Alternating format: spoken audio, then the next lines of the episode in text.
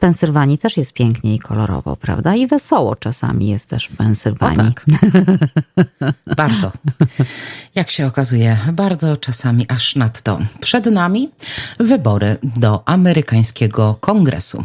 Dzieli nas od nich niewiele ponad dwa tygodnie. Między innymi w kluczowym stanie, czyli Pensylwanii, 8 listopada wyborcy staną przed decyzją, na kogo oddadzą swój głos. Tymczasem emocje przed głosowaniem właśnie w tym stanie sięgają zenitu. Dr Mehmet Oz, kandydat z ramienia Partii Republikańskiej, postanowił przekonać do siebie wyborców swoim zdrowiem. Polityk dowodzi, iż pochwalić się może doskonałym zdrowiem i dobrymi wynikami krwi. Polityk, a zarazem kardiochirurg porusza temat swej kondycji fizycznej, tym samym zmuszając swojego przeciwnika, by ten również ujawnił swoje wyniki badań, tłumacząc sytuację, iż wyborcy powinni mieć pełną przejrzystość, jeśli chodzi o stan zdrowia kandydatów ubiegających się o urząd. A dlaczego? Otóż demokrata John Fetterman 13 maja, cztery dni przed prawyborami, doznał udaru.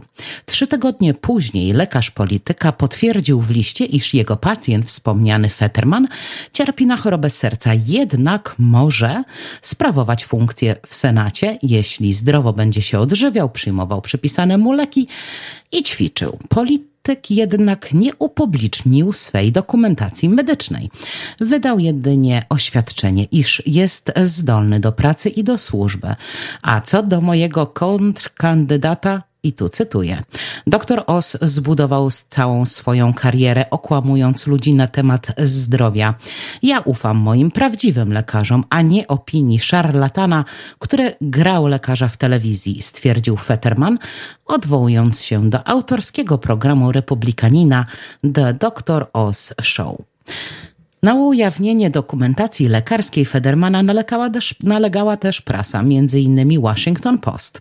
Na dodatek kandydat z ramieni Partii Demokratycznej postanowił, iż weźmie udział w jednej, jedynej debacie przed wyborami, podczas gdy zazwyczaj takich debat jest więcej.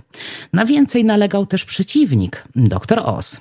Tak czy siak debata obu kandydatów odbędzie się 25 października, czyli w najbliższy wtorek, równe dwa tygodnie przed wyborami. Demokrata John Federman jest politykiem od 2006 roku, zastępcą gubernatora stanu Pensylwania od 2019 roku.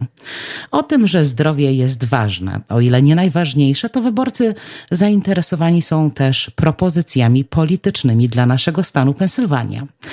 Zatem na kogo oddać swój głos? Na zdrowie? Czy też na zdrowy rozsądek. Agnieszka Głodzik, nasze radio.